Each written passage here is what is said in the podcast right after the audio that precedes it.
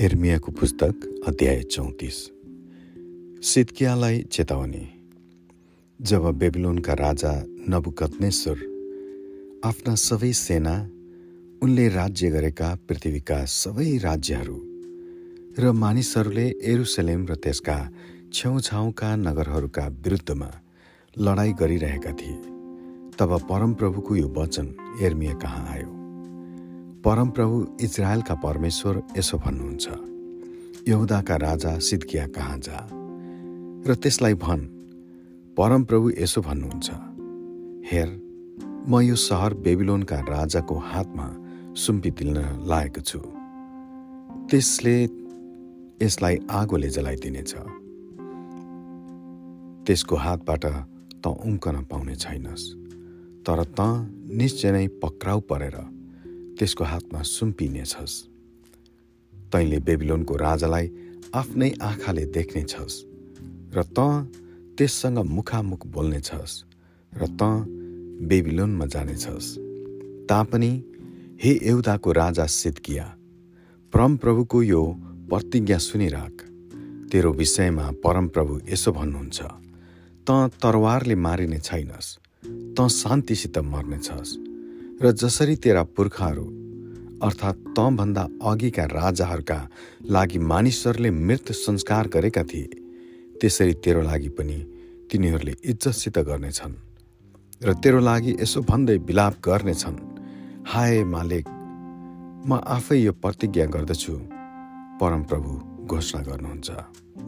तब एर्मिया अगमवक्ताले यहुदाका राजा सिद्कियालाई एरुसलेममा यी सबै कुरा त्यसबेला भने जब बेबिलोनका राजाका सेनाले एरुसलेम र यहुदाका अन्य सहरहरूसित लडाईँ गरिरहेका थिए। लाकिस र आजेकासित जुनहरूले युद्ध गर्न छाडेका थिएनन्। यहुदाका किल्ला भएका सहरहरूमध्ये यी दुई सहर मात्रै बाँकी रहेका थिए। कमाराहरूका निम्ति छुटकारा। परमप्रभुको यो वचन एर्मिया कहाँ त्यस बेला आयो? जब सिद्किया राजाले यरुसलेमका सबै मानिसहरूसित कमाराहरूका निम्ति छुटकाराको घोषणा गर्ने करार बाँधेका थिए। हरेकले आफ्ना हिब्रू कमारा कमारीहरूलाई स्वतन्त्र गरिदिनु पर्थ्यो। कसैले पनि आफ्नो यहुदी दाजुभाइहरूलाई कमारो तुल्याउनु हुँदैनथ्यो यसैले यस करारमा संलग्न भएका अधिकारी र मानिसहरू सबैले आआफ्नो कमारा कमारीलाई स्वतन्त्र गरिदिन र फेरि कमारा नतुल्याउन भनी स्वीकार गरे अनि तिनीहरूले सहमत भएर उनीहरूलाई स्वतन्त्र गरिदिए। तर पछि तिनीहरूले आआफ्नो मन बदली गरेर आफूले स्वतन्त्र गरेका कमारा कमारीलाई ल्याए र फेरि कमारा कमारी नै तुल्याए। तब परमप्रभुबाट यो वचन एर्मिया कहाँ आयो। परमप्रभु इजरायलका परमेश्वर यसो भन्नुहुन्छ जब मैले तिमीहरूका पिता पुर्खाहरूलाई मिश्र देश र अर्थात् दासत्वको देशबाट निकालेर ल्याएँ तब मैले तिनीहरूसित यसो भनेर करार बाँधेको थिएँ। प्रत्येक सातौँ वर्षमा तिमीहरूका हातमा आफूलाई बेचकाहरू तिमीहरूका हिब्रू दाजुभाइहरूलाई स्वतन्त्र गर्नु। छ वर्षसम्म तिनीहरूको चाकरी गरिसकेपछि त्यसलाई मुक्त गरेर छोडिदिनै पर्छ। तापनि तिमीहरूका पिता पुर्खाले मेरो कुरा सुनेनन् अर्थात् ध्यानै दिएनन्।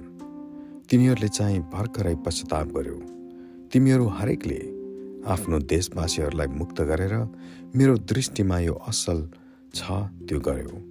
मेरो नाउँ कहलिएको घरमा मेरो सामुन्ने तिमीहरूले एउटा करार बाँध्यो।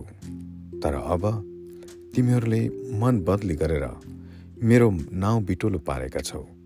तिमीहरू हरेकले जुन कमारा कमारीलाई तिनीहरूको इच्छा अनुसार छोडिदिएर मुक्ति गरिदिएका थियौ उनीहरूलाई फेरि आफ्नो कमारा कमारी तुल्याउनलाई बल जबस्ती गर्यो। यसकारण परमप्रभु यसो भन्नुहुन्छ तिमीहरूले मेरो आज्ञा पालना गरेका छैनौ र आफ्नो स्वदेशी दाजुभाइलाई स्वतन्त्र पार्ने घोषणा गरेका छैनौ। यसकारण म अब तिमीहरूका निम्ति स्वतन्त्रता घोषणा गर्दछु। तिमीहरूलाई तरवार रूढी अनिकालद्वारा मर्ने स्वतन्त्रताको घोषणा गर्दछु। म तिमीहरूलाई पृथ्वीका सबै राज्यहरूका निम्ति घृणित तुल्याउनेछु।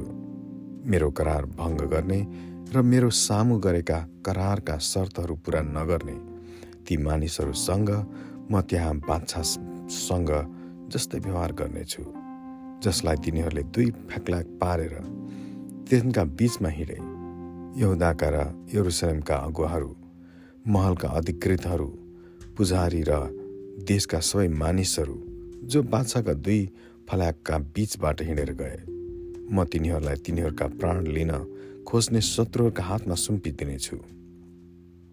तिनीहरूलाई लासहरू चाहिँ आकाशका पक्षीहरू र पृथ्वीका पशुहरूका आहार हुनेछन् यहुदाका राजा सिद्किया र त्यसका अधिकारीहरूलाई तिनीहरूका प्राण लिङ्न खोज्ने शत्रुहरूका हातमा र बेबिलोनको राजा सेनाको हातमा सुम्पिदिनेछु। जुन सेना पि तिमीहरूदेखि फर्केर गएको छ। परमप्रभु भन्नुहुन्छ म हुकुम दिनेछु र उनीहरूलाई यस सहरमा फर्काइ ल्याउनेछु। उनीहरूले यस सहरको वृत्तमा लडाइँ गरेर त्यसलाई लिइहाल्नेछन्। र त्यसलाई जलाइदिनेछन्। अनि म यहुदाका नगरहरूलाई बासिन्दा नै नभएको उजाड स्थान बनाइदिनेछु ताकि त्यहाँ कोही बस्न नपाओस्। आमेन।